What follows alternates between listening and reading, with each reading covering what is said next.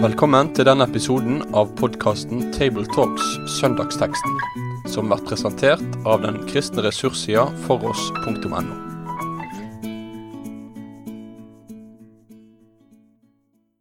Vel møtt til en, eh, et nytt program i serien Tabletalks om søndagsteksten, laget av For oss. Og vi er samlet tre i studio nå. Det er Svein Granerud, Egil Sjåstad og Asbjørn Kvalbein.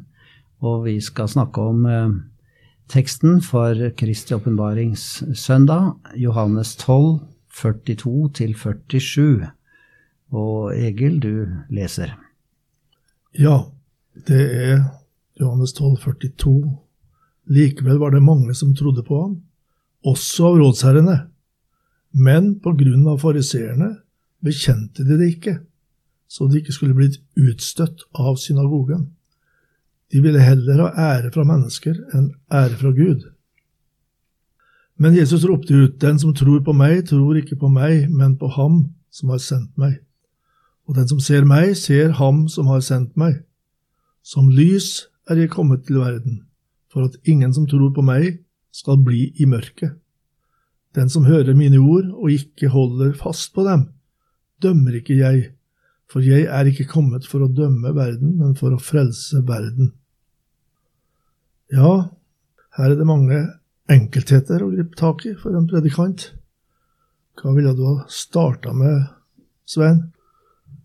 Når jeg hører teksten lest nå igjen, så tenker jeg at her uh, måtte jeg nok brukt litt tid på å prioritere.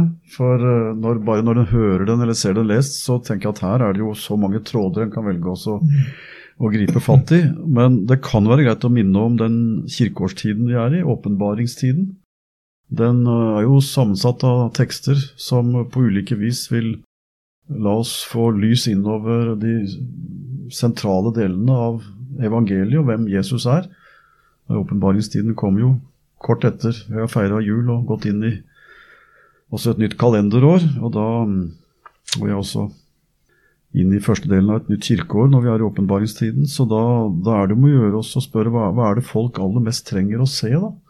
Hvis de skal bli kjent med Han som kom til jord for å være vår frelser. Så ja, et par eksempler på ting som jeg kunne tenkt meg å ta tak i. Det er jo selve innledningen, da. Den som tror på meg, tror ikke på meg, men han som har sendt meg. Det betyr at åpenbaringstiden er en tid hvor vi møter Jesus, som viser oss hvem Gud er. Og det er jo noe vi må snakke om. Og så er det dette med mørke og lys. Det hører åpenbaringstiden til. Og det hører evangeliet til. Og forholdet til Jesu ord og det han sier. Og så har vi også til slutt spørsmål om forhold mellom dom og frelse. Så du vet, her eh, må vi nok sortere litt på prekestolen, men i samtalen kan vi jo berøre det meste. Jeg syns det er interessant å se sammenhengen her, og det er jo at um, i vers 37 så snakkes det om at de vil ikke tro, de som er folkets ledere og åndelige ledere, enda det ble gitt så mange tegn. Og så siteres det fra profeten Esaya, eh, hvor det står at han skal åpne blindes øyne og uh, så videre. Så det er jo et veldig viktig poeng for um, det apostoliske vitnesbyrdet å vise at det står i Det gamle testamentet om Jesus, og så ble det oppfylt um, om ham. Og På denne bakgrunn er det altså uh, at Jesu herlighet blir åpenbart, og det står også i vers 41, som står foran her, at eh, Jesaja så Jesu herlighet og talte om ham. Men de som hørte dette og var ledere på den tiden, de avviste merkelig nok Jesus. Så det er den veldige kontrasten som er bakgrunnen for det eh, vi leser her, at her er det jo så opplagt man burde tro på Jesus. Han, han oppfyller jo det som er profetert. Og så vil de likevel ikke tro. Det er litt underlig innledning her, altså. Likevel var det mange som trodde på ham, også rådsherrene. Ja. Men pga. fariseerne bekjente de det ikke. Så her kommer vi inn på den problemstillingen som kanskje mange av lytterne er i, iallfall de som hører på radio at de egentlig har en overbevisning om hva som er rett, men de våger ikke å tre fram og bekjenne det. Det tenkte jeg på når jeg la oss dette her. Mm. Og da er det, det veldige alvor. da. De ville heller ha ære fra mennesker ved å sikre seg at de ikke kommer på konflikt eller kollisjonskurs med, med liksom gjennomsnittstenkningen blant folkets ledere. Heller ære for mennesker enn ære fra Gud. Jeg tror jeg ville ha brukt det som trapp inntil dette her, og så begynte å forkynne hvem er Jesus, og troen på ham. Menneskefrykt, har du noe ja, nei, jeg om det? Jeg ville nok også, også, hatt med det. Bare nevne i farten at uh, dette med Hans herlighet, som de ser, det er jo særlig Johannes som er opptatt av. Mm. Uh, alle evangelistene har jo fokus på at det som skjer med Jesus, oppfyller løftene i det gamle testamentet, den gamle pakt. Johannes uh, taler flere ganger om at de så hans herlighet. Så det er jo liksom den siden av gudsbildet og Guds møte med oss som Johannes fokuserer på. Det er noe med å se storheten i det. Så det kan jo skinne litt gjennom videre, det også. Eh, jeg tenker vel dette med gudsfrykt og eh, ærebehov Det kan jo være at eh, mange av oss og de som lytter, ikke helt kjenner seg igjen i rådsherrenes behov for å få ære av mennesker for sin tro. Det er jo ikke sikkert det er der de fleste er. Men, men frykten for hva folk vil si, den, den kan jo ligge der. Så vi må kanskje ta det ned på det nivået at i dagens sekulære virkelighet så koster det litt av og til og så si at en har en tro og en tillit til Jesus. Så vi er vel der også i vårt samfunn at det, om vi ikke mister ære, så kan en iallfall miste noe av den relasjonen som en ønsker i forhold til andre, og da blir en litt engstelig. Og dette har vi behov for å snakke høyt om, hjelpe hverandre med. Ja, for å ta det litt ned på jorda, et eksempel. Det var en ung dame som begynte i, i ny jobb. Hun var nylig blitt en kristen, og så spurte da hvordan går det med deg som kristen på denne sekulære arbeidsplassen? Lykkes du i det miljøet? Så sa han ja, det går kjempefint. Det er ennå ingen som har oppdaget at jeg er en kristen. så ja, den holdningen kan man lett ha. Mens eh, kanskje det var egentlig en frykt som lå under at en ikke hadde lyst til å, å flagge at en tror på Jesus. Eh, det er sagt at frykt er den mest destruktive kraft i verden i dag. Det er mye lettere å skremme folk, mye mer effektivt enn å overtale dem. Slik at her var altså disse skremt fra å tro på Jesus i frykt for de andre kollegene Eh, og da nyttet ikke å overtale, og det nyttet nesten ikke å komme med et sterkt vitnesbyrd fra Det gamle testamentet engang overfor disse religiøse lederne, for de var opptatt av sin ære og redde for å miste den. Det er jo et faktum da at Jesus flere ganger taler om å bekjenne meg for menneskene. Så det er en utfordring for oss, dette her. Det, det gjelder vel for oss alle, egentlig. da, Villighet til å si noen ting som vi vet ikke samsvarer med gjennomsnittstenkningen da, blant folk, og som er litt tabu. Eh, så det kan vi gjerne trekke inn over oss sjøl, men, men, det står jo da at den som ikke bekjenner meg for menneskene, han skal heller ikke jeg bekjenne for min himmelske far. Så det er et veldig alvor over det. Og, og denne tanken om en skjult tro, det er et godt poeng i det. Men det er også en utfordring i møte med det. Ja, og det du sier om å bekjenne for menneskene fordi vi skal nettopp tro på Gud, altså det er uh, gudsfrykt skal i grunnen uh, lede oss til å bekjenne. Fordi at uh, gudsfrykten driver ut menneskefrykten, er det sagt av Melanchthon en gang. Og som Luther sa det en gang, Melanchthon er redd for hva keiseren vil si. Jeg er redd for hva Gud vil si på den ytterste dag, svarte Luther da. Mm. Og det er noe med hva er det vi er redde for? Så har jo Jesus talt til sine disipler, og dermed til hele sin kristne kirke, om at det vil komme tider da det vil koste å fortelle at vi følger Han. Og vi er jo mest vant til å tenke at det er det andre steder i verden hvor man opplever realiteten av. Eh, vi har ikke noen garanti for at ikke vi skal få oppleve noe av det her i vår sammenheng også, og noen kan kanskje vitne om det, at det koster litt. Jesus har sagt at det vil det gjøre. Eh, for min del så har jeg prøvd å si at eh, For dette taler jeg om av og til. At det som kanskje er den beste måten å dele sin tro med andre på, er ikke å gå inn i debatter og forsøke å få argumentene til å sitte, men kanskje bedre å fortelle noe av det du opplever med Jesus. Fordi å dele en erfaring er på en måte ikke en innledning til debatt, men det er tillitsfullt å fortelle hva jeg har opplevd. Og det fins en del eksempler på at folk som eh, gjerne kommer med motargumenter, de lytter litt mer enn jeg forteller hva som jeg opplevde at Jesus gjorde. Han hørte, han var nær, han ga meg trygghet. Eh, det er mange som lytter til det, fordi det er en annen dimensjon enn den intellektuelle hvor man kan påvise at troen og kristentroen ikke holder mål og har det siste stikket i en debatt og sånn.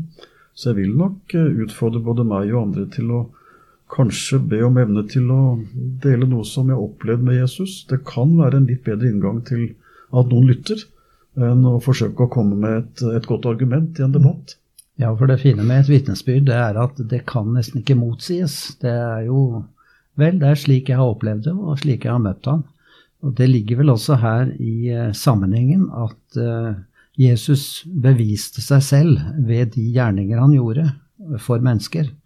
At det ble åpne øyne, og de forsto med hjertet og vendte om. Og ble helbredet. Uh, det er også jeg sa Jesus orda.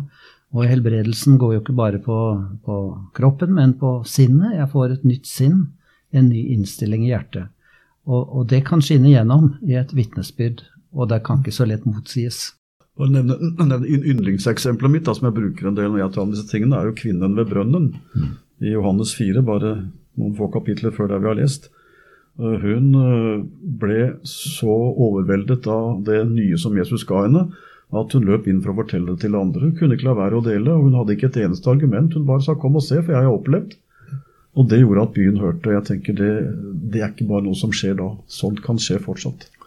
Det er jo noe som ligger i teksten her, og dette her, at det er om å gjøre å få det ut til alle.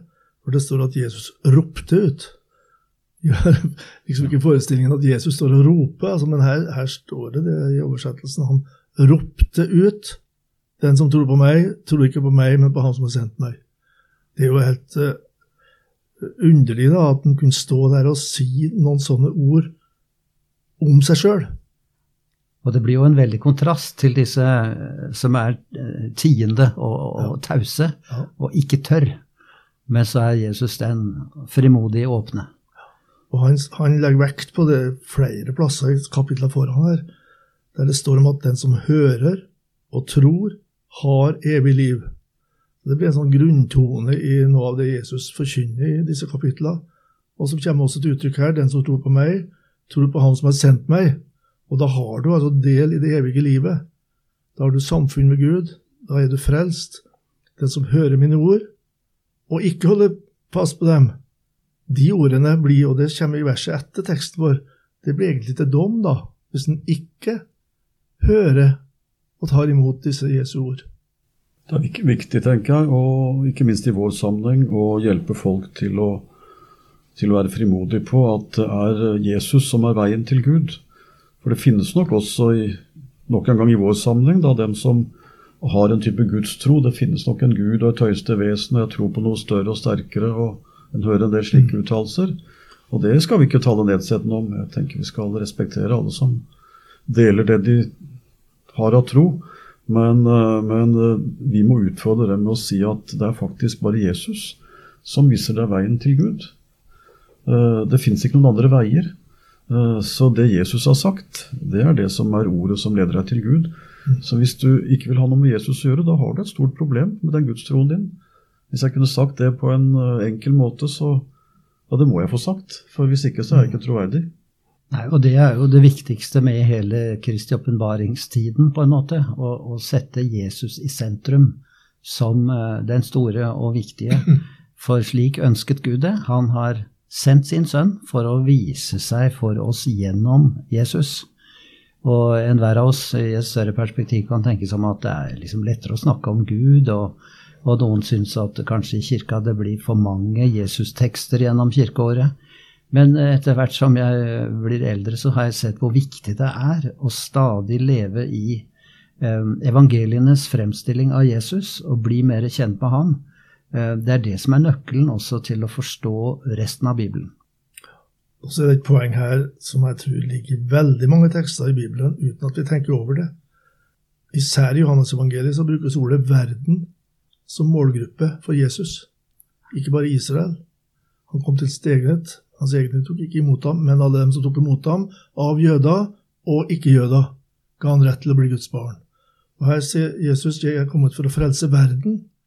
Og Det er sikkert derfor han roper høyt da, at det skal nå så langt som mulig. Og det, for, det sier oss noen ting om vårt oppdrag i den kristne misjon. altså. At vi i direkte forlengelse av det Jesus her sier, så driver vi misjon.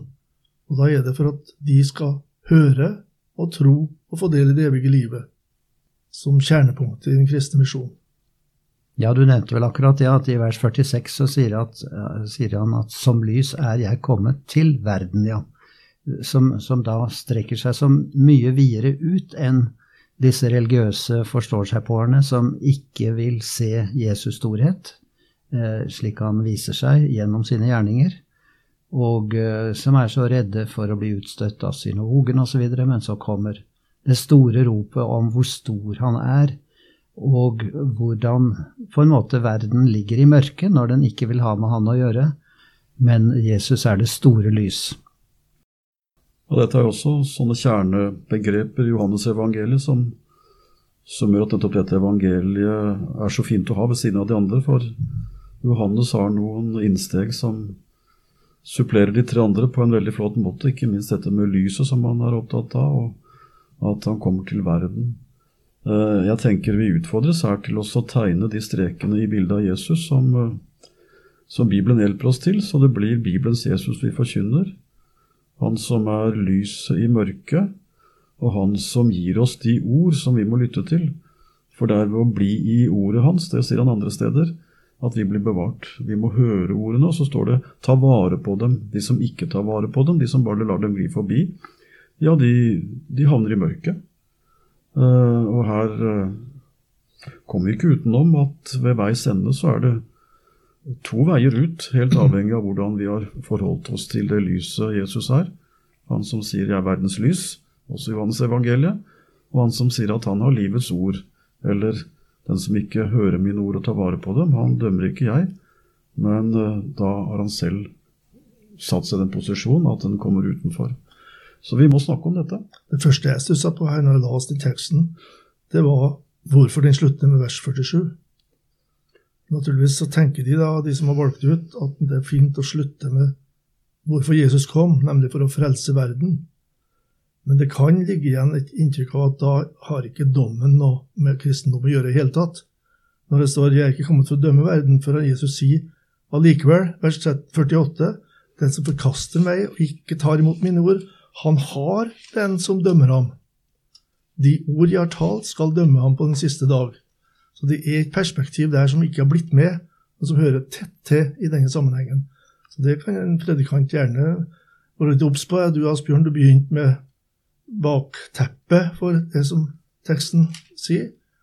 Eh, og til dette teppet i forlengelsen så er det altså faktisk at det er en dom, men den dommen avgjøres her og nå ved min innstilling til det Jesus forkynner, og til den Jesus vi forkynner. Ja, det er merkelig. Jeg tenkte på akkurat det samme. Eh, uten at vi har snakket om dette på forhånd, så, så syns jeg nesten at eh, vers 48 og 49 kunne vært tatt med her. Eh, fordi det sier jo noe avgjørende om at eh, skal vi tro på Jesus, så er det først og fremst dette at vi tror på hans ord. Eh, for avviser vi ordene, så avviser vi ham, og motsatt. Og da ligger dommen i, i selve det faktum at vi avviser ordet. Og en kan si at her var det bakteppet før teksten. Det var at man avviste Jesu gjerninger, og her etterpå kommer det det med å avvise Jesu ord. Men vi skal ikke snakke bare om det negative, og det er kanskje derfor de har eh, kortet ned den teksten ned, for midtpunktet her er jo det å tro på ham, på Jesus. Eh, og tror vi på Jesus, så tror vi også på Han som har sendt ham, nemlig Gud Fader. Eh, den store Gud som mange mener de tror på, men som likevel vi ikke finner veien til uten gjennom Jesus. Da blir det jo det viktigste for en predikant At Kanskje jeg ville ha slutta med det og sørga for at sjølve budskapet om Jesus, hvem han er, hva han har gjort, og hva han her sier, at det får klinge med som et gledesbudskap til tilhøreren. Den som hører og tror, har evig liv, kommer ikke for dommen, men er gått over fra døden til livet. Det blir en naturlig oppsummering av dette her. Dette det rører jo med noe av det mest grunnleggende vi, vi, vi, tenker omkring denne saken. Fordi vår tid har nok helst det spørsmålet er det mulig å gå fortapt. Eh, de som hørte evangeliet, og som har hørt opp gjennom årene, har mange tenkt annerledes ut fra Guds ord. Er det mulig å bli frelst? Og så er svaret et rungende ja på det. Og, og, det er sånn vi må prøve oss å hjelpe folk inn i en forståelseshorisont hvor det vi forkynner, er frelsens mulighet. Uh, fordi vårt utgangspunkt er at vi er ikke frelst. Og Det må vi kanskje si til folk, at der vi befinner oss vet du, Feserne taler om det. Av naturen så er vi vredes barn, og det er jo sånn uttrykk som vi må bruke et kvarter på å hjelpe folk til å ane hva ligger i det. Men i hvert fall si noe til hverandre at Jesus kommer med frelsens mulighet. Det er mulig å bli frelst. Det er et lys, og det er en vei, og det er en som taler livets ord. La oss følge Han, for hos Han er veien, Han er sannheten, Han er livet. Og så er det ikke noen vei til Far uten gjennom Jesus. Det er et stort oppdrag den har, den som skal forkynne Guds ord. Og nå på søndag så er det mange rundt omkring som skal gjøre det i kirka og forsamlinga. Så vi ber ei bønn for dem nå til slutt. Himmelske Far, nå takker vi deg for at vi har Bibelen, at vi har tekster å lese, og at vi har et budskap å bringe til folk, Herre. Vi ber om at de som skal preike, må gjøre det med overbevisning, at de må tennes i brann for dette evangeliet, og at de må male deg, Jesus, som frelser og Herre, og at det er mulig å bli frelst, og at de kan komme til deg, Herre, du som er veien, sannheten og livet, du som er lyset, du som kom til verden for å ta deg av vår sak, Herre. Amen. Med det sier vi takk for følget for denne gang. Finn flere ressurser, og vær gjerne med å støtte oss på foross.no.